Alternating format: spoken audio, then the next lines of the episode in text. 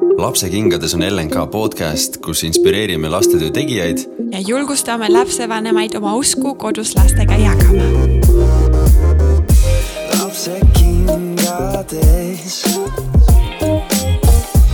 usku jagades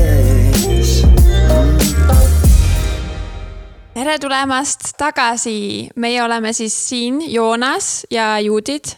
Joonas on minu kõrval. tšau ja täna meie külalised on kolm erinevat meest, kes istuvad seal laua taga. ja meie kodus laua ümber on stuudio praegu. aga ja meil on siis, äh, ma teen sihukese väikse lühisissejuhatuse, aga lihtsalt, et me saaks kiiremini sellesse vägevasse teemasse, sest ma arvan, et neil meestel on väga palju head, mida öelda. mina siis tutvustan Helari Puud, kes on äh, olnud Tallinna Allika koguduse pastor ja Kohila koguduse pastor äkki ka mingil hetkel. vot ja sinul on siis kolm last ja kuus lapselast. siis on meil teispool lauda Kaarel Väljamäe. duell on käinud, kes on siis praegu Tallinna Allika koguduse pastor ja temal on kolm last samamoodi. ja siis meie kolmas külaline on Klaus kellega me kohtusime Sütikul ja seal me jäime natuke rääkima ja tuli välja, et ta on noor isa, et tema ise on noor, aga tema laps on ka päris noor, neli kuud vist nüüd. ja väga hea. et sellised mehed meil on ja miks meil on siis isad siin külas, on sellepärast, et see on meie isadepäeva episood, me tahame rääkida isadega kuna see on see aeg aastal, kui inimesed lihtsalt räägivad sellest ja et siis äh, sel pühapäeval me salvestame seda nimelt nädala sees, aga sel pühapäeval on siis isadepäev jah tulemas. ja sestap meil ongi sellised vägevad isad siin koos. ja sellega siis meie esimene küsimus teile on, kas teie kodus tähistate isadepäeva ja kuidas?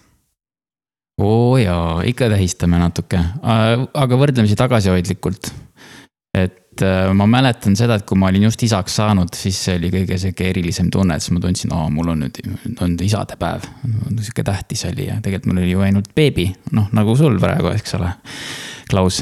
et aga ikka sööd koos perega ja vahel olen oma isal külas käinud, et meil kindlat traditsiooni ei ole. ja kui isa, oma isale külla ei jõua, siis äh, ma proovin ikka helistada. aga ega seal midagi erilist ei ole, söök lapsed, hea seltskond, mõnus. jah, no minu enamus isaks olemise aega möödus ilma isadepäevata. on suhteliselt uus traditsioon ju Eestis. aga me tähistame ja lapsed saadavad SMS-i ja, ja tavapäraselt nüüd viimased neli-viis aastat oleme käinud bowlingul. mulle tehakse välja, nii et see on isaks olemise suur rõõm, kui lapsed on juba natuke suuremaks kasvanud kas ma võin siis küsida, mida nad kirjutavad, kui nad kirjutavad sõnumit? noh, need väga ülevoolavad ei ole just nii emotsioonidest, aga et äh, head isadepäeva ja ma armastan sind, juhtub ka sekka, jah. Äh, ma jäin kuulama ja võttis korra ärevaks, sest äh, mul on see aasta esimene isadepäev.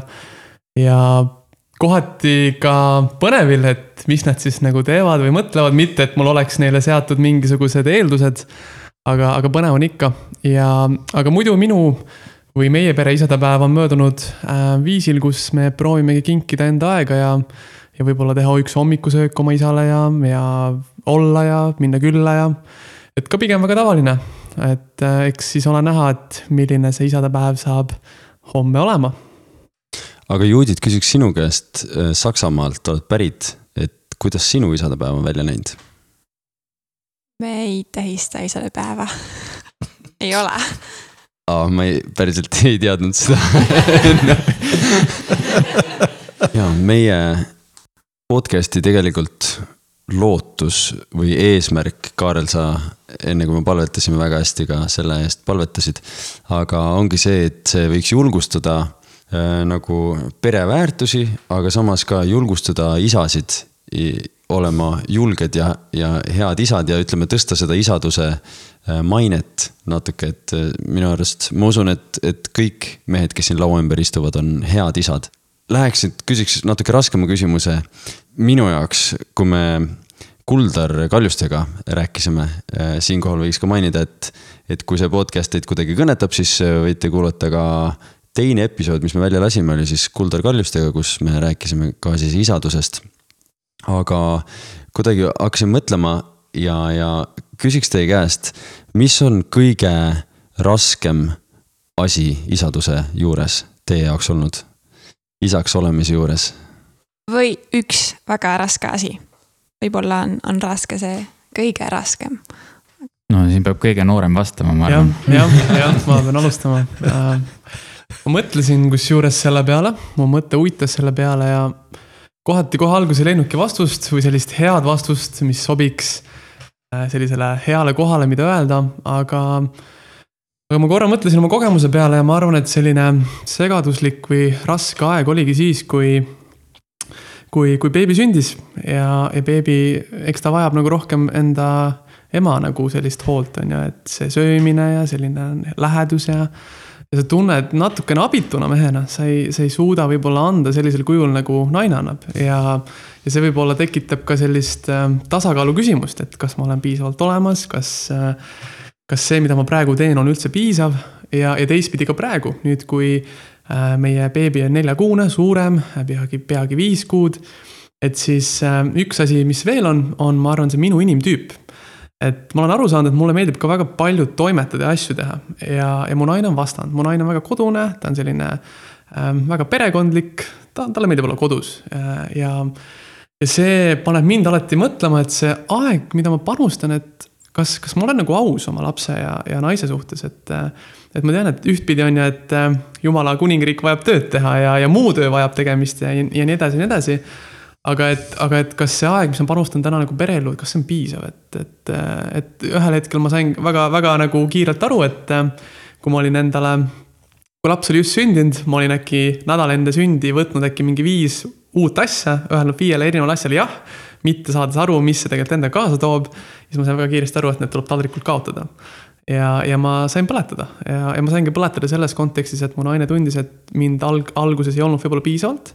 Ta sai aru tegelikult lõpuks, et see, mis ma tegin, oli hea, aga ikkagi tema ootused ja lootused olid teistsugused ja, ja ma sain ka aru, et äh, nüüd iga asi, mis siis mulle pakutakse või mis ma mõtlen, tulebki väga suurelt läbi mõelda.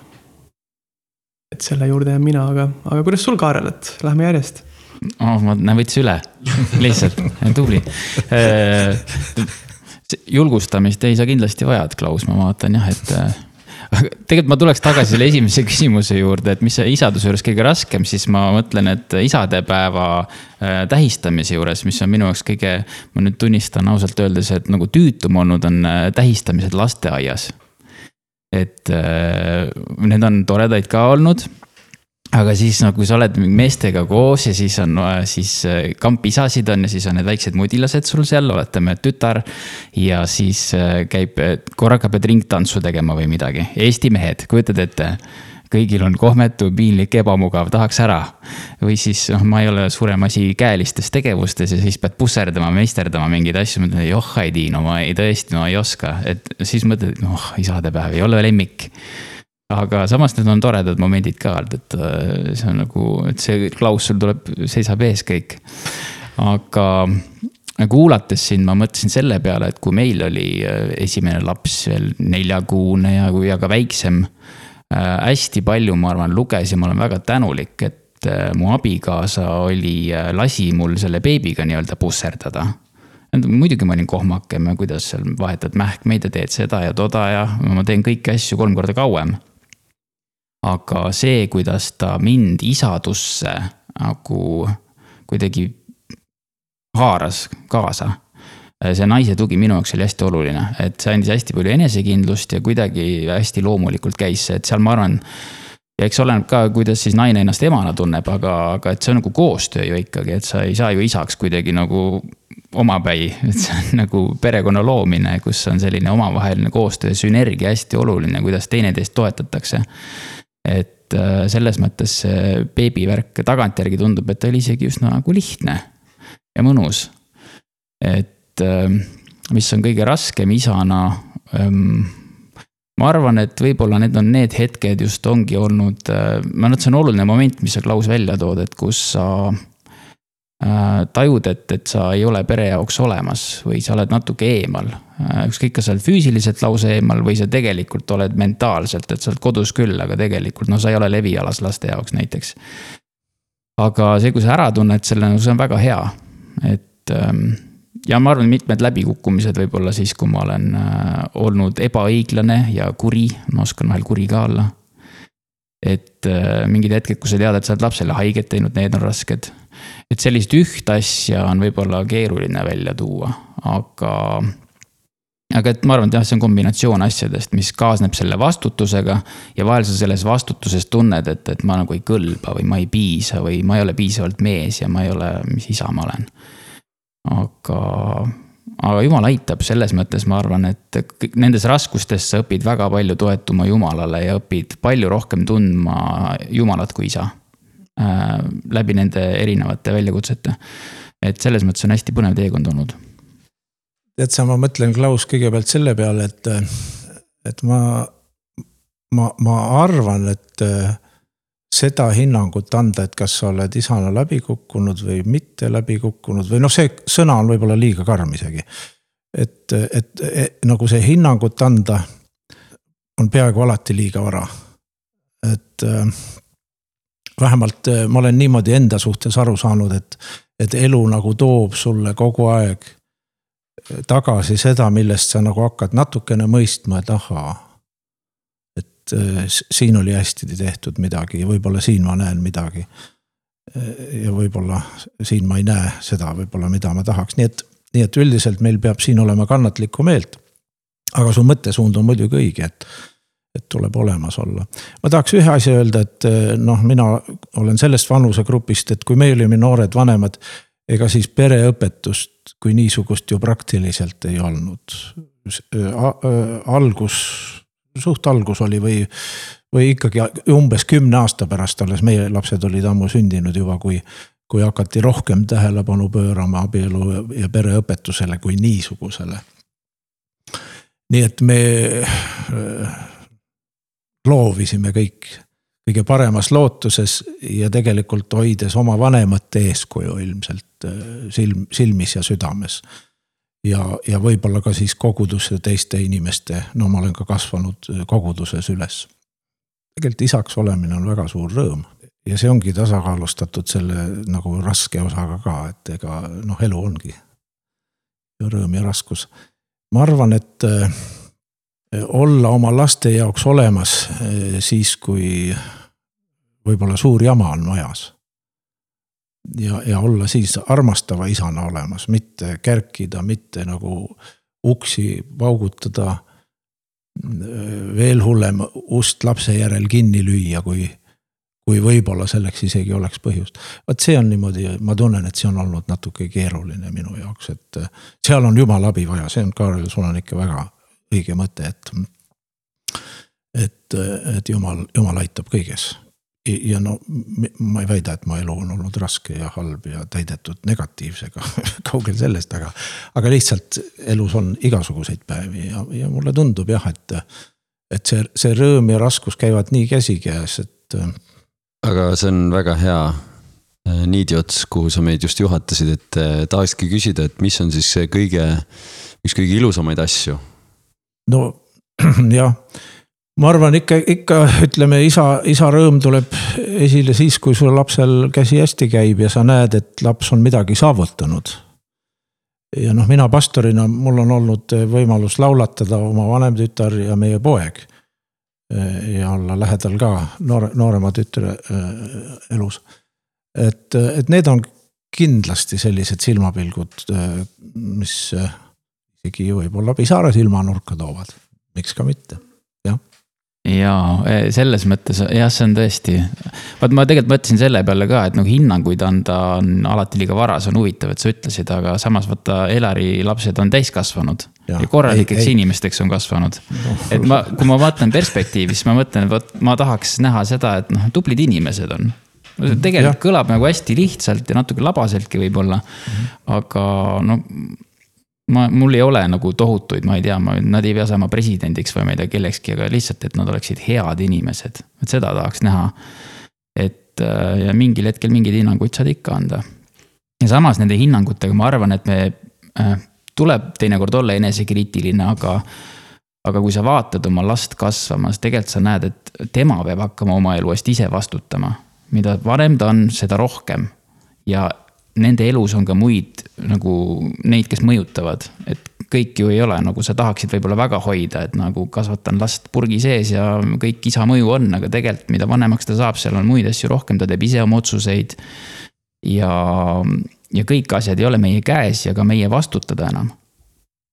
et et seal ka ma arvan, et me ei tohiks nagu ennast nagu maha teha, kui laps kusagil eksib või, või ta teeb vigu või nii edasi, et äh, nende hinnangutega kindlasti ka ei tohi kiirustada, ma arvan ja nagu rõõmu, rõõmu teeb lihtsalt äh, minule, ma arvan. mingeid väga suuri žeste või muid ei ole, aga ma väga, mulle lihtsalt meeldib vaadata, kuidas, kuidas mu lapsed äh, kasvavad, toimetavad, kuidas äh, tohutult naudin nende huumorimeelt kui lihtsalt me väga palju naerame koos või kirjutame lollakaid laulukesi ja siis, ja siis noh, noh siis mu keskmine ütleb, et äh, kui ma mingi nalja peale, dad joke, et see on mingi isa nali, eks ole. ja siis ma olen õppinud ta käest, et millised need isa naljad siis on, et sellised. et aga ma arvan, et selline äh, koos kasvamise rõõm lihtsalt, et äh, ma arvan, seda on ka oluline tähele panna, et muidu noh, igapäevaelus kuidagi võib-olla fookus läheb ära, aga et noh, et see on nii üürike aeg, ma juba praegu vaatan, et kõige mhm. noorem on kaheksa juba.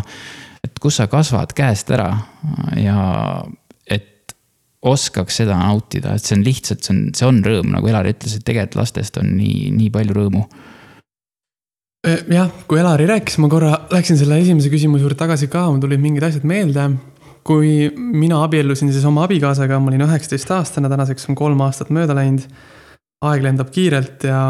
Vau, üheksateist ja, ja aeg lendab kiirelt ja, ja võiks öelda, et kuskil me olime nagu ikkagi ebaküpsed. ja võib-olla just selles kontekstis, et nüüd, kui laps sündis, saad aru, et äh, see on päris või noh.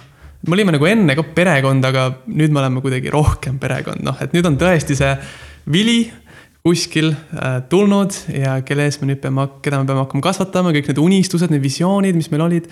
et äh, on ju, et äh, kui me tülitseme me lepime, siis me peame tegema seda lapse väga nagu äh, nagu armastuslikult on ju, noh, et kõik need mingid asjad, et milline see meie pere võiks olla nüüd järsku see reaalsuseks, nüüd peame hakkama tegutsema. ja ma ise tulen tegelikult väga katkisest perest selles kontekstis, et äh, mul on olnud väga palju erinevaid isasid ja see on olnud, ma arvan, minu mingi alakompleks ka, et kui täna on laps on sündinud, siis ma arvan, et mis ma unustasin eelnevalt lisada, et mul on sihuke. ma tahan talle kogu aeg olemas olla just selles kontekstis ka, et, äh, et äh, ta võiks kogeda siis tõesti sellist nagu isa armastust ja, ja seda, et ta ei pea kedagi välja vahetama või midagi pida elus juhtuma, et just kanda siis seda terve perestruktuuri koos oma mm. abikaasaga, et, et see on võib-olla olnud selline suur äh, soov. aga rääkides rõõmudest, siis äh, ma just avasin oma telefoni ja ja noh, praegu on see hetk, kus sul on meeletult palju pilte sellest beebiajast, sest iga kuu, iga nädal tal natukene läheb omamoodi. esimene laps ka. esimene laps ka absoluutselt, et äh, ma olen nii uhke oma vanavanemate üle, kellel on need fotoalbumid, sa lähed koju vaata ja siis nad nagu lappavad neid fotoalbumeid, noh, ma lappan oma iPad'i seal et, et äh, generatsioonide vahe, eks ole aga, aga praegu tal noh, tulevad juuksed juurde, silmad lähevad suuremaks, näo, näokuju muutub ja, ja ma arvan, et see pakubki täna kõige rohkem nagu rõõmu, just nagu Kaar ütles ka, et nad lihtsalt kasvavad ja, ja sa näed, kuidas ta kujuneb natuke ka sinu moodi, tema ema moodi. et, et siis me vaidleme abikaasaga, et ta on minu nägu rohkem, ei, ta on ikka sinu nägu rohkem. et, et ta lihtsalt naerad, ta on ja vaadake talle vahepeal silma ja, ja ja tegelikult äh, üks asi veel, mis ma taht-, nagu tahtsin mainida, oli see, et äh, mult jube palju küsiti, kui ma sain isaks, et äh, noh, mis tunne on olla isa ja sa tundsid tol hetkel, et sa pead nüüd midagi sellist vapustavat ütlema, vaata, et mis raputab kõiki inimesi ja nüüd ma tahan ka isaks saada. aga ma ei osanud ja ma ei osanud ja, ja ma sõitsin täna siia ja siis kuidagi äh, lihtsalt tuli nagu see piibli kirjakoht meelde, kui äh, jumal lõi inimese. ja ta ütles, et see on hea. ja siis ma nagu mõtlesin ka, et aga noh, aga see, mis täna on meie laps, et ta ongi, ta ongi hea ja sellest piisab, et, et ma ei pea kuidagi üleloomulikult äh, üle seda tooma või üle võlli keerama, et, et, et isa on olla hea, väga hea ja, ja see on suur privileeg. sa ütlesid purgis kasvatamise mõtet ja, ja see on nagu täitsa ma kujutan ette, et nagu mitmedki vanemad on tahtnud niimoodi teha.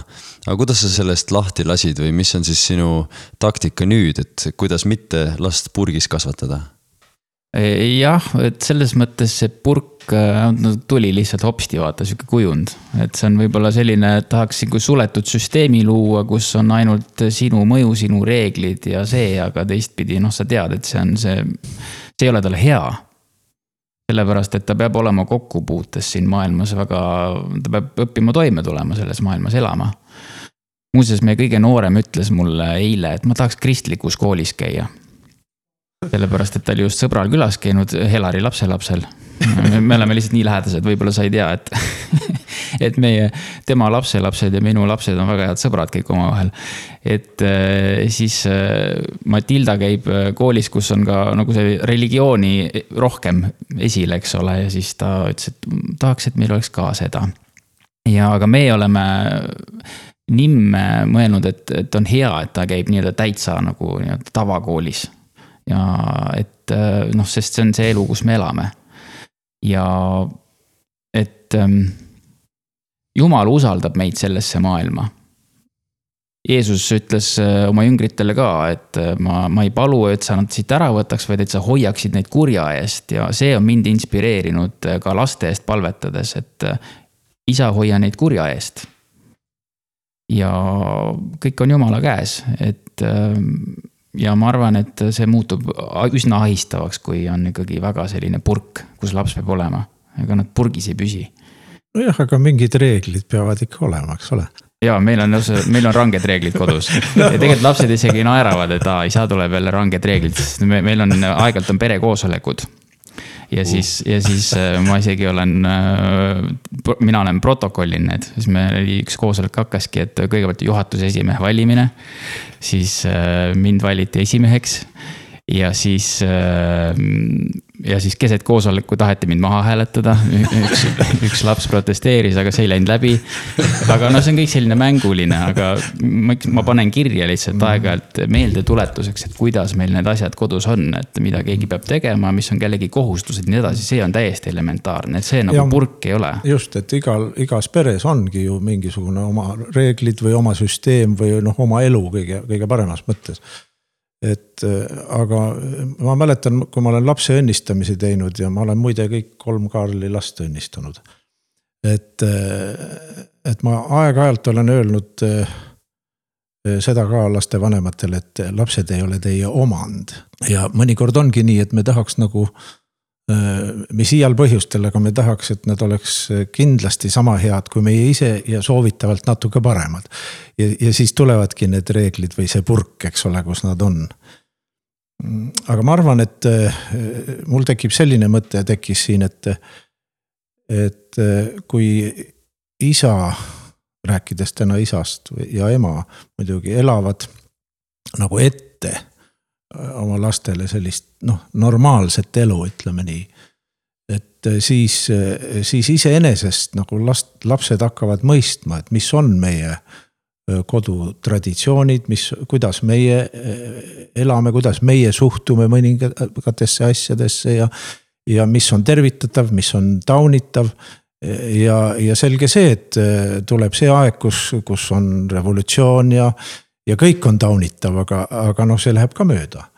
et selles mõttes me ei peagi võib-olla pistma neid mingisse kasti või, või purki. et me peame lihtsalt elama. ja mulle meeldib väljenduda niimoodi, et aitama siiski need lapsed läbi ka sealt sellest ajast, kus nad tunnevad, et neid on otse kui sinna purki pandud. ja aitäh, mul tuli meelde, mis ma enne tahtsin öelda Klausi Klausi mõtte järel oli see, et, et ülilahe etapp tundub mulle kui mitte isale, meile kui mitte vanematele veel, aga tundub kõige ägedam etapp see, kus titest saab isiksus. ma olen seitsmekordne onu, aga siis ongi nagu see, kus mitterääkiv laps ühel hetkel hakkab rääkima ja saad aru, et tal on mõtted ja tal on oma mõtted ja oma maailma nägemine, vot see tundub kõige nagu põnevam osa nagu lapse arengust, see mul tuli meelde küsiks kiirelt, et mis teie jaoks on olnud siis ka kõige põnevam osa lapse arengu või kasvamise puhul, et? ma, ma võin selles mõttes äh, ruttu lisada omalt poolt, et äh, ma olen unistaja ja praegu ka, et kui me mõtleme tuleviku raames kuskile reisile või kuhu iganes me tahame minna täna. Et siis sa unistad või näed ette juba, et see tütar sul on natuke suurem. Te käite koos, te räägite noh, et vaata, seal on päike või, või kui reisitegi ümber maailma, et te saate nagu kõneleda erinevatest asjadest, see, see, periood ei ole hetkel ja sa natuke oledki nagu, oh, et ta juba võiks olla. aga noh, samas ma olen väga tänulik selles hetkes, kus ta nagu on ja kasvab Äh, aga, aga nagu praegu ma arvan, et äh, see, et ta on nii süüdimatu ja sa ei saagi olla ta peale pahane, sest ta täna ei oska veel, äh, ta ei, ta ei, ta ei käi veel, ta isegi ei rooma veel. et, et me, meil oli täna kusjuures esimene ujumistund, mis oli nagu päris põnev, et sa näed, kuidas ta siputab seal ja selline noh nii, nii sõltuv nagu sellisest abist, aga teistmoodi, kui sa paned ta sinna vee alla, siis ta on nagu ujuv kala, on ju, et noh. et, et vees, vees nagu olnud seal ema, ema üsas, aga aga jah, ma arvan ka see, et, et praegu ongi tohutult palju muutusi, igaüks on hästi eriline omamoodi, et äh, teeb selliseid äh, puuksuhääli ja siis tal hakkab järsku käsi käima ja. ja, ja siis noh, ta on lihtsalt nii süüdimatu ja siis sa uurid seal suust, et millal tal need hambad tulevad ja. ja avastab iseennast ka, et ta paneb järsku oma kätt tähele, siis ta ehmatab ära ja. või siis võtab kogemata juustest kinni, sakutab ja hakkab tohutult nutma ja, et sellised süüdimatud asjad. avastab iseennast ma arvan, et kui ma mõtlen isaks olemisele, tead, esimene asi, mis mul meelde tuleb, on tegelikult esimese lapse sünd kõigepealt see, kui ta kuulis mu häält. ja mulle tundus, et otsis mind, et ah, et ma olen enne läbi kõhu kuulsin ja siis, et see on asi, mis mul kuidagi on nii mällu söövitunud, kui, kui veel olla saab. aga ma arvan just seesama ähm, kõrvalt näha, kuidas nad hakkavad saama iseendaks. kuidas mingid anded avalduvad äh,, nende huvid mis tärkavad ja siis vaatad, kas, kuidas siis toetada ja suunata, äh, kaasa elada, kuidas siis mängib jalgpalli ja, ja, ja kuidas ta elab neid võite ja kaotusi seal läbi ja nii edasi. et see kõik on hästi põnev või see oma käekirja tekkimine nendel loomingulises mõttes, ükskõik millega nad tegelevad. et seda on kõike hästi palju. ja ja ka see muidugi, et kuidas siis nende jumala suhe kujuneb või ei kujune või kas ta kusagil on või ei ole ja ka kui palju siis nüüd sekkuda ja küsida ja. see on ka täiesti omaette maailm. et äh, põnev, mul täna hommikul oli üks äh, huvitav asi, et äh, kõige väiksem, ta on kõik, ta on kaheksa, äkki ma võin tema lugusid rääkida veel. pidi ühe raamatu läbi lugema ja siis neil on väga sellised äh, pisikesed lugemispäevikud ja, ja kus on tegelased ja muud kirjas ja mis seal sündis. ja siis ähm, ma lasin tal nagu ise oma arvamuse panna kirja sinna ikkagi tema koolitöö ja siis ta kirjutas, et Volli käis mulle närvidele. ja siis äh, ma sain aru, et see on sellepärast, et ta tegi äh, pahandusi, on vahva raamat on see Tere Volli ja siis äh, ta tegi selle valmis hommikul ja siis äh, läks kuskile ja mulle tundus, et ta natuke ise tegi ka pahandust. siis ma mõtlen, et ta käis närvi sellepärast, et see mõjus ta südametunnistusele vist. aga siuksed väiksed hetked üles korjata nende arengus on nagu hästi huvitav. et äh, ma isegi ei mäleta, mis sa küsisid, aga lihtsalt tuli nagu hopsti lugu jah, võib-olla ma ütleks juurde lihtsalt veel kõik see, ma olen nõus nende asjadega ja ja vaikselt kipun unustama juba, kuidas oma lapsi oli käte peal hoida, aga lapselaste kaudu see tuleb nagu uuesti tagasi muidugi. aga mul on alati olnud väga tähtis see, kui ma näen, et, et see emotsioon või noh, ütleme isa armastus, mida ma olen panustanud või, või püüdnud nagu välja näidata, et kuidas see tagasi peegeldub või kas, kuidas seda siis tagasi kas ka öeldakse, eks ole, tegelikult noh, omal ajal see ei olnudki midagi nii tavalist ju. et, et ma mäletan, meie kõige vanem tütar läks õppima Eestist ära. ja ma viisin ta hommikul Vala lennujaama. ja no siis see oli, need olid juba e e-mailinduse algusajad, ütleme niimoodi ja nutsime seal lennujaamas, aga me ei kumbki ei öelnud mitte midagi. jah, ja mu süda nii kriipis pärast, et ma oleks pidanud ütlema oma lapsele, et ma teda armastan väga. ja ma läksin töö juurde ja, ja esimene asi, võtsin arvuti lahti ja saatsin talle emaili, et äh, ma tahan sulle öelda, et su isa tegelikult väga sind armastab. ja, ja noh, ma teadsin, ta oli siis lennukis ja noh, ma ei oodanudki viie sekundi pärast vastust, aga see vastus tuli ja seal oli tegelikult seesama mõte ja, ja põhjalikumaltki lahti kirjutatud ja pärast seda ma alati mõtlen, et noh, et nagu oma ajastu produktina, et me ei väljendanud seda armastust võib-olla piisavalt, et. et seda ma julgustaksin küll tegema nooremaid isasid. ja ma arvan, et te teete ka seda, sest ajad on natuke teised juba. aga ikkagi, see on hea meeldetuletus, ma arvan jah, ma lisa, lisaks lihtsalt midagi, et ajad on teised jah, ja see mina olen õppinud hästi palju ka eelnevat põlvkonda näiteks, näiteks mõistma. kui ma mõtlen, minu isa läks esimesse klassi, keegi ei viinud teda, mingit aktus või midagi, üks, üksi läks, kool on seal, kõik. ja ma mõtlen selle, mul hakkab kuidagi nukker ja üksildane sellest mõttest. aga nüüd tema kasvas ju selles kogemuses, mhm. selles ajastus, ka ajaloolises mõttes mingis, ma ei tea, noorus viiekümnendatel, noh et see on hoopis teised olud ja ajad ja meil on lihtsalt see eelis, ma arvan ka juba ka minu põlvkonnal, et ongi natuke teistmoodi ja mm. julgeme, julgemegi võib-olla väljendada või oleme ka saanud seda armastust võib-olla rohkem, mida edasi anda. et äh, aga jah, see armastuse kogemus lapse jaoks, ma arvan just see, et ta tunneb, et ta on väärtuslik ja tal on oma koht. see koht isa südames on lapse jaoks hästi oluline teada kas sa sõnastad selle, kas ta kogeb seda kuidagi su läheduse kaudu, mil iganes viisil sa selle sõnumi tema ellu külvad, see on hästi tähtis mm. -hmm. sest ma arvan, see annab eluks kaasa selle põhilise, et äh, ma ei ole siin juhus, juhuslikult kuidagi.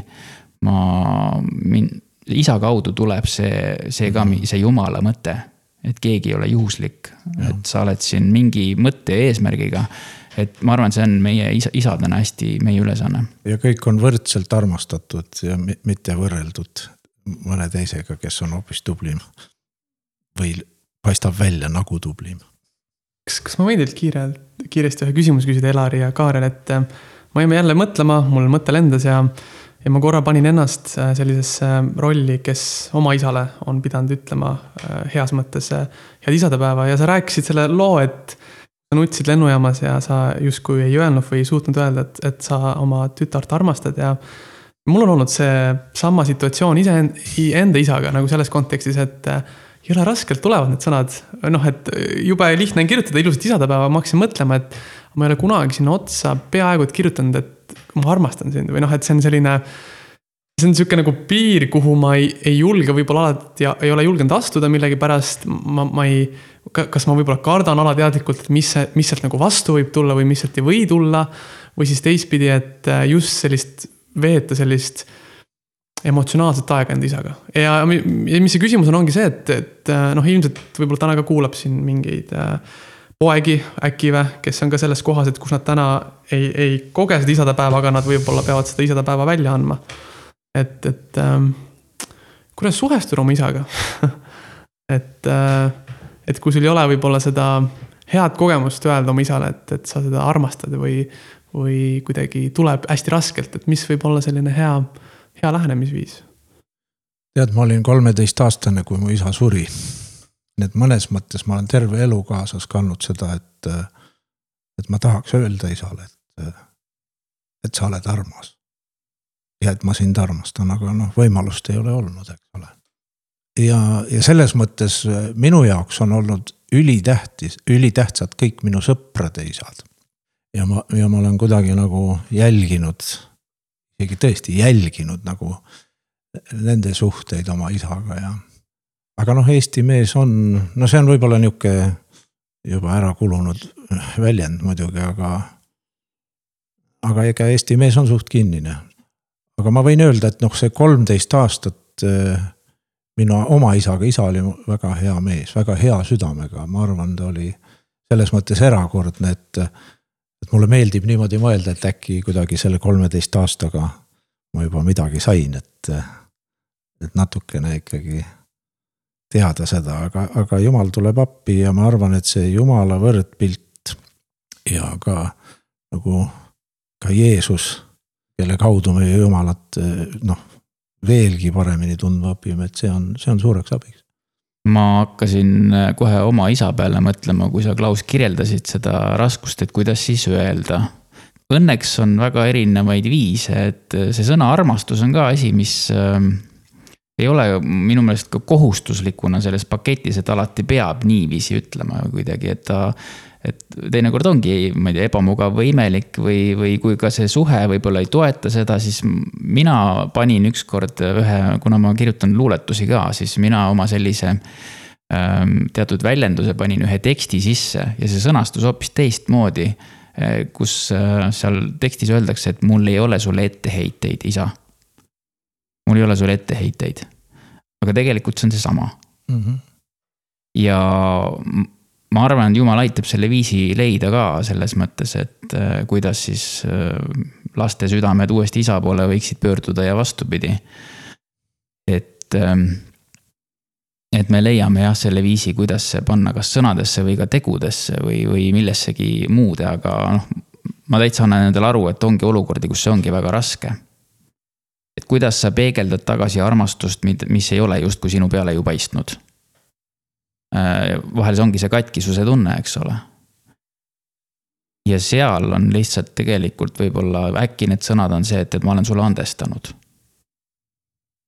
et noh, öelda ma armastan sind ongi kuidagi raske või imelik, aga tegelikult see, ütled, et näed, et äh, ma annan sulle andeks, kui on midagi olnud või äh, ma ikkagi mõtlen sinust head või noh, mis iganes see vorm on. Mulle tegelikult väga meeldis, Elari, sa ütlesid, et sa kirjutasid. et äh, noh, teinekord ongi kõne, kõnes otse need asjad nii hästi ei tule, et kirja saab ikka panna, et me ei, ei pea arvama, et jäin hiljaks ma olen muuseas ka oma lastele kirjutanud. ja vahel lapsed on mulle kirjutanud, siis ka, et andeks paluda mingi asja pärast, siis tuleb üks sedel sulle ja siis mõtled, nii armas. Ja et ja abikaasale ka olen kirju kirjutanud, kui tõesti no ei, ei suuda, ei suuda otse silma vaadates öelda. mina ka muide. ma olen vahest niimoodi teinud vähemalt ma olen mõelnud, et nii, ma kirjutan kõik üles ja siis ma loen talle selle lihtsalt ette. oleme, teinud, jah, mina olen et siis on ikkagi isiklik, aga ma ei pea nagu oma emotsiooni pealt, ma, ma juba tegin selle emotsiooni asja enne ära nagu. mõtlesin eh, enda isa peale, mul on olnud hea isa, väga hea isa, ma arvan. ja ta on öelnud mulle, et ta armastab mind ja noh, samamoodi õdedele ja vennale ja, ja abi, emale ka. aga mul ikkagi vastu talle seda öelda oli ikkagi naljakas või imelik päris tükk aega. ma kuidagi praegu jäin mõtlema selle aja peale, kus ma hakkasin temast tõsiselt huvi tundma või ma mäletan, siin oli paar aastat tagasi sihuke aeg, kus ma nagu siiralt küsisin, et kuule, aga oota, aga räägi mulle oma elust, et mis sa, mis sa tegid peale kooli näiteks või kus sa läksid, okei okay,, sa läksid sinna õppima seda, aga miks sa selle valisid just või nagu õppisin tundma isiksust, kellega ma olen väga pikalt koos elanud, aga võib-olla ma olen isegi teadnud seda, mida ta on teinud, noh, tean, et ta on terve elu töötanud siin või seal, aga. aga et mis on ta nagu tema mõtted seal taga olnud ja kõik see, et, et see nagu huvitavalt nagu hästi lähendas mind isaga, kellega ma olen ju noh, alati nagu koos olnud. aga jah, armastuse väljendust, see on huvitav, see on huvitav. mind vahepeal tabavad sellised hetked, kus ma võin öelda, et ma armastan sind, ma armastan sind, ma lihtsalt aga noh, samas ongi, et alati, alati see ei tule nii kergelt, et mingil hetkel ma võin kõigile öelda, et ma armastasin, noh, kellest ma tõesti hoolin. ja kellele tavaliselt ei julge öelda, aga, aga jah, ei oska täpselt öelda, miks see nüüd niimoodi hooti käib, et mis see, seda head hoogu põhjustab võib-olla ma selle koha peal olen liiga eestlane, aga äkki ei peakski ära kulutama seda sõna ka nagu liiga. et ta kuidagi sihukeseks Hollywooдлikuks I love you'ks muutub, et ma ei taha kuidagi ironiseerida selle üle. aga, aga sellel on nagu oma selline noh, et ta on käibefraas. ja muuseas huvitav, ma kuulan sind ja mõtlen, et mul on vahel, mu tütar ütleb seda mulle vist iga õhtul peaaegu kui me head ööd ütleme. Ja siis, siis mina olen see, kes ütleb, mina sind ka vahel niimoodi moka otsast.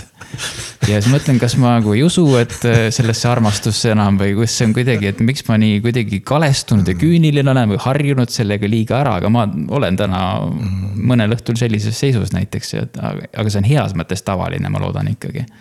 Jah, ja muidugi, et mis see armastus siis on või mis me selle sõnaga iga kord mõtleme et armastus on ju ka ta, eh, nii-öelda tegu või armastus on nagu tahteakt või kuidas me seda ütleme, et. et selles plaanis nagu nõustun Kaarliga, et selle asemel, et võib-olla korrutada ja öelda, et hoopis väljendada kuidagi reaalselt mõne teoga, mille kaudu su isa, kui me isadest täna räägime, isade ja laste suhetest või siis su laps mõistab, et, et mind väga armastatakse ja see on see armastuse keelte teema, ma arvan. ja mõned lapsed näiteks nagu need sõnad ongi ebamugavad tema jaoks. ta tahab, et sa oleks koos temaga lihtsalt, mängiks lauamänge või midagi. see on huvitav ka see laste puhul, see nende armastuse keele äratabamine, et mulle tundub, üks meie lastest, talle, talle meeldib saada kingitusi, aga, aga ta tahab ka teha. et mm, -hmm. et see ja siis tuleb lasta.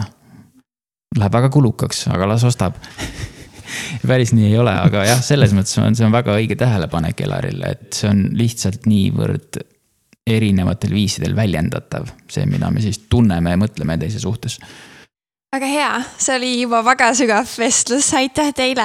Äh, aga mina tahaks ühest asjast rääkida, mida Klaus juba mainis. ja see käib äh, Jumala riigi tööga käsikäes. mis on teie kogemused sellega? Kaarel, sina oled praegu pastor. Helari, sina olid. kuidas on siis teie kogemused sellega, kuidas võite olla olemas inimeste jaoks, aga samas ka pere jaoks, laste jaoks. kas see on raske, kas ei ole üldse probleem? probleeme vahel ikka on, ma arvan, näiteks ka kui, kui asjad kuhjuvad, kui äh, suhtlemist on palju, kui pühapäev venib pikaks, kui laps peab sinu järele ootama ja sa tead, et ta täna ootab, et äh, neid hetki ikka on jah aga samas on olnud ka selliseid hetki, kus ma tõesti jätangi, et okei okay,, ma ei saanud jutlust päris valmis, midagi ikka on, ma, ma tean, ma saan hakkama pühapäeval. aga ma jätan praegu pooleli ja lähengi ja olen nendega. et tõmban kriipsu vahele. et selliseid momente on ka. ma arvan, et on lapse jaoks ka oluline see, et ega need ei ole kuidagi nagu mingisugused eraldi sahtlid, et me saame ju jumala riigis toimetada koos et nad on ka kaasas sellega, et meil on abikaasaga olnud ikkagi tähtis ka see, et lapsed tajuvad, et me oleme mingil missioonil koos, et see ei ole nagu, et issil on mingi töö ja emmel on ka mingisugused ülesanded koguduses ja siis noh, las nad teevad neid. vaid pigem, et see on kuidagi nagu orgaanilisem. ma ei tea, kui hästi see või halvasti see õnnestub. aga et see jumala riigist toimetamine oleks nende jaoks nagu hästi nagu elementaarne ja loomulik ja et see ei olegi niimoodi, et nüüd on mingi töölõik ja siis, siis on nagu nüüd perekond, vaid noh, me elame ja toimetame jumala riigis ju kõik, kõigega, mis meil on ja kõigega, mis me teeme. et ma tahaks, et nad saaksid selle kodust kaasa. jah, sest ega pastori lapsed on ju lapsed nagu kõik teised lapsed. Vahel inimeste ootused võivad olla teistsugused, aga kõige tähtsam on see, et meie noh, enda ootus ei oleks kuidagi teistsugune ja ja nad on samasugused oma vajadustega ja, ja oma, oma rõõmudega ja murede ja kasvuraskustega. ja, ja nõus, nõus sellega, mida sa, Kaarel, just ütlesid, et aga kui ma mõtlen selle peale, et, et noh, et kuidas areneb nende jumala suhe. siis ma arvan, et just selle kaasahaaramise kaudu me teemegi asju koos Nad näevad ja mõistavad, mis see tegelikult on ja ühel päeval nad jõuavad sellesse punkti ise.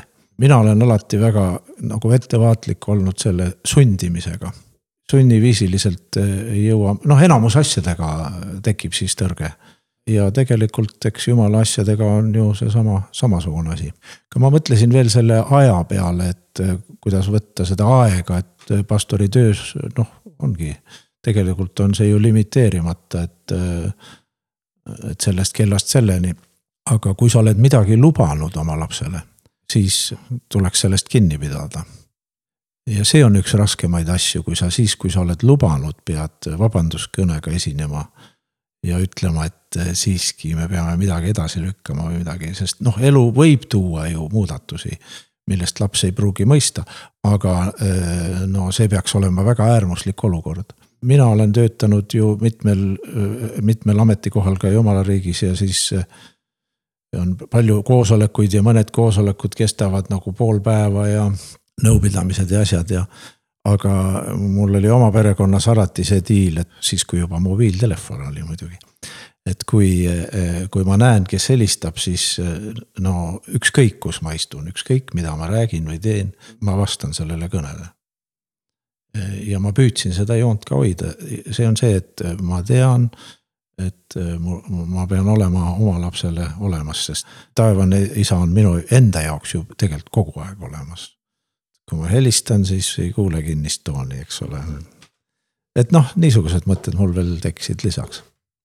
Ega meil siin palju aega enam ei ole, et äh, aga tegelikult ikkagi päris palju küsimusi on veel, aga võtaks siis, äh, võib-olla jõuame paar küsimust veel võtta, aga üks küsimus, mis meile on tulnud väljastpoolt, ühe noore isa käest, on tulnud selline küsimus, et kuidas saaks sõbrad, kogudused ja kogukonnad toetada just noort isa.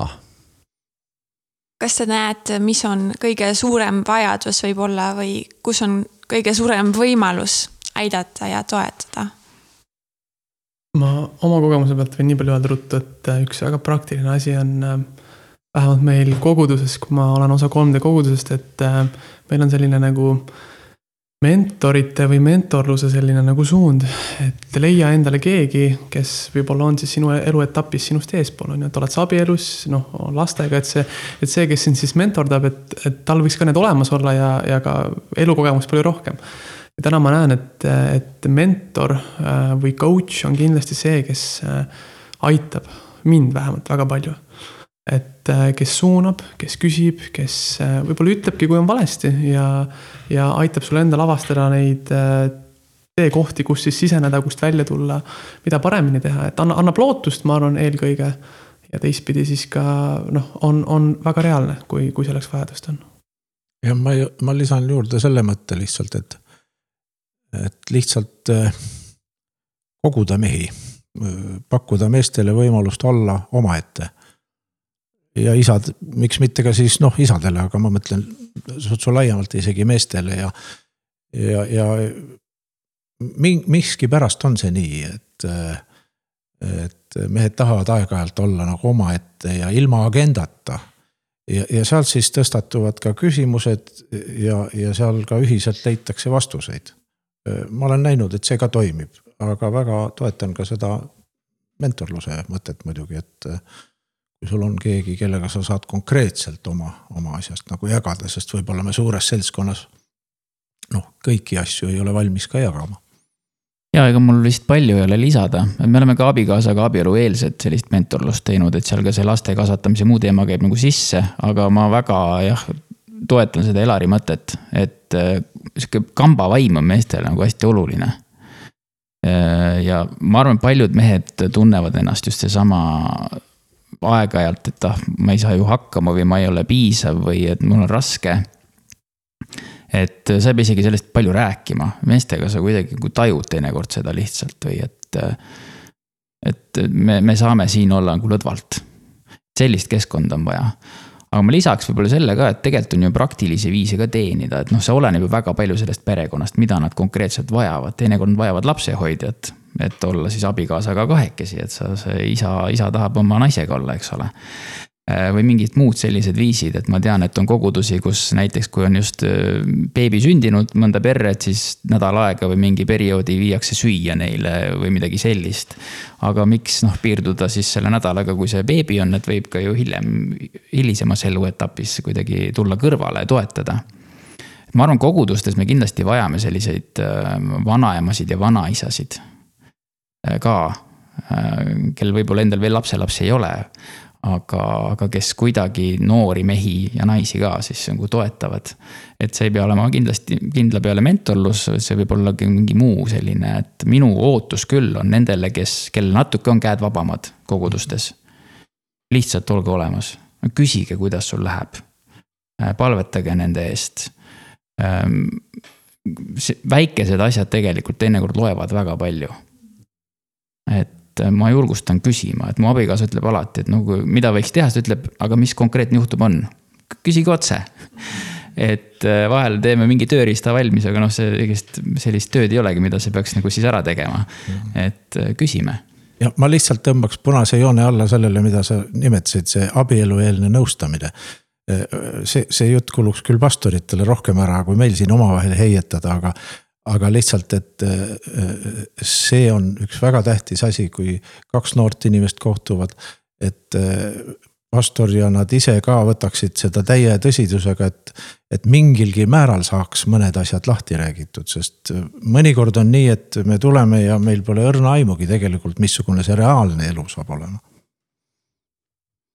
Vau, väga head vastused, aitäh teile.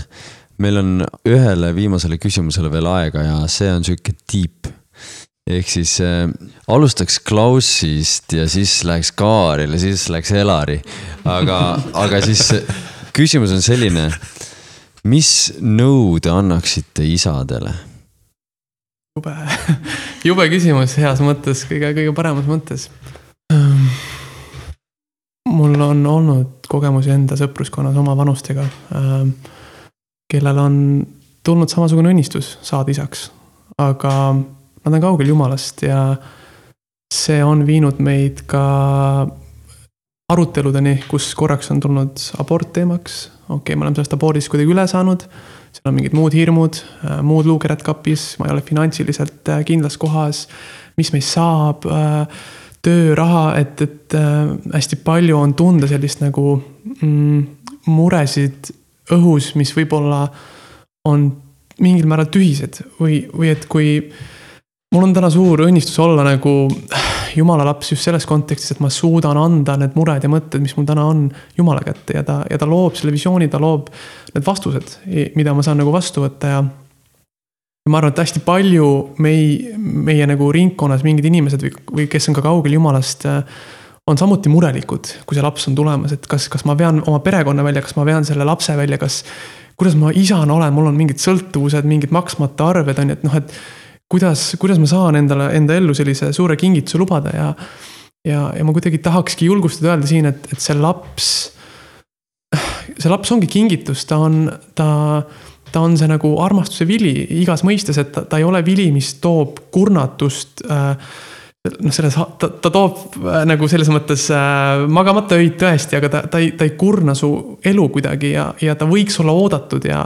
ja võib-olla see perspektiiv ka, mis sa lood sellest lapsest, kui ta tuleb, võiks olla nagu positiivne ja, ja sa võiks kuidagi kuulda lugusid, kui palju on ühed lapsed muutnud mehe või naise abielu, suhet, nende elu, et äh, et võib-olla just see perspektiivi loomine äh, võiks olla, ma arvan, kõige ilusamas võtmes, et, et, et lapse saamine ei ole suur kohustus ja elu karm reaalsus või elu kannatus, vaid et see on hoopis midagi muud, midagi palju paremat oh,. see oli korralik selline, mis, mis ma siin ikka lisan aga sind kuulates ja neid olukordi ka, mida sa kirjeldad ja kus erinevad mehed on, siis äh, ma tahaks julgustada küll, et tegelikult äh, me oleme ka vastutusest rääkinud, aga, aga rõõm on suurem selle vastutuse sees. tahaks julgustada ka, et nagu isaks saamine, ega see nii hirmus ei ole, kui ma enda elu peale mõtlen, mul loksusid ikka väga paljud asjad paika just siis nimelt, kui ma isaks sain.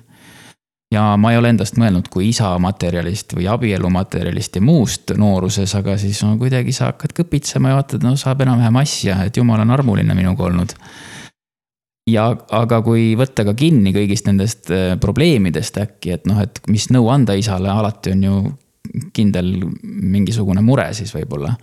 ma annaks seda nõu, et äh, küsi abi ja nõu enne, kui asi hulluks läheb.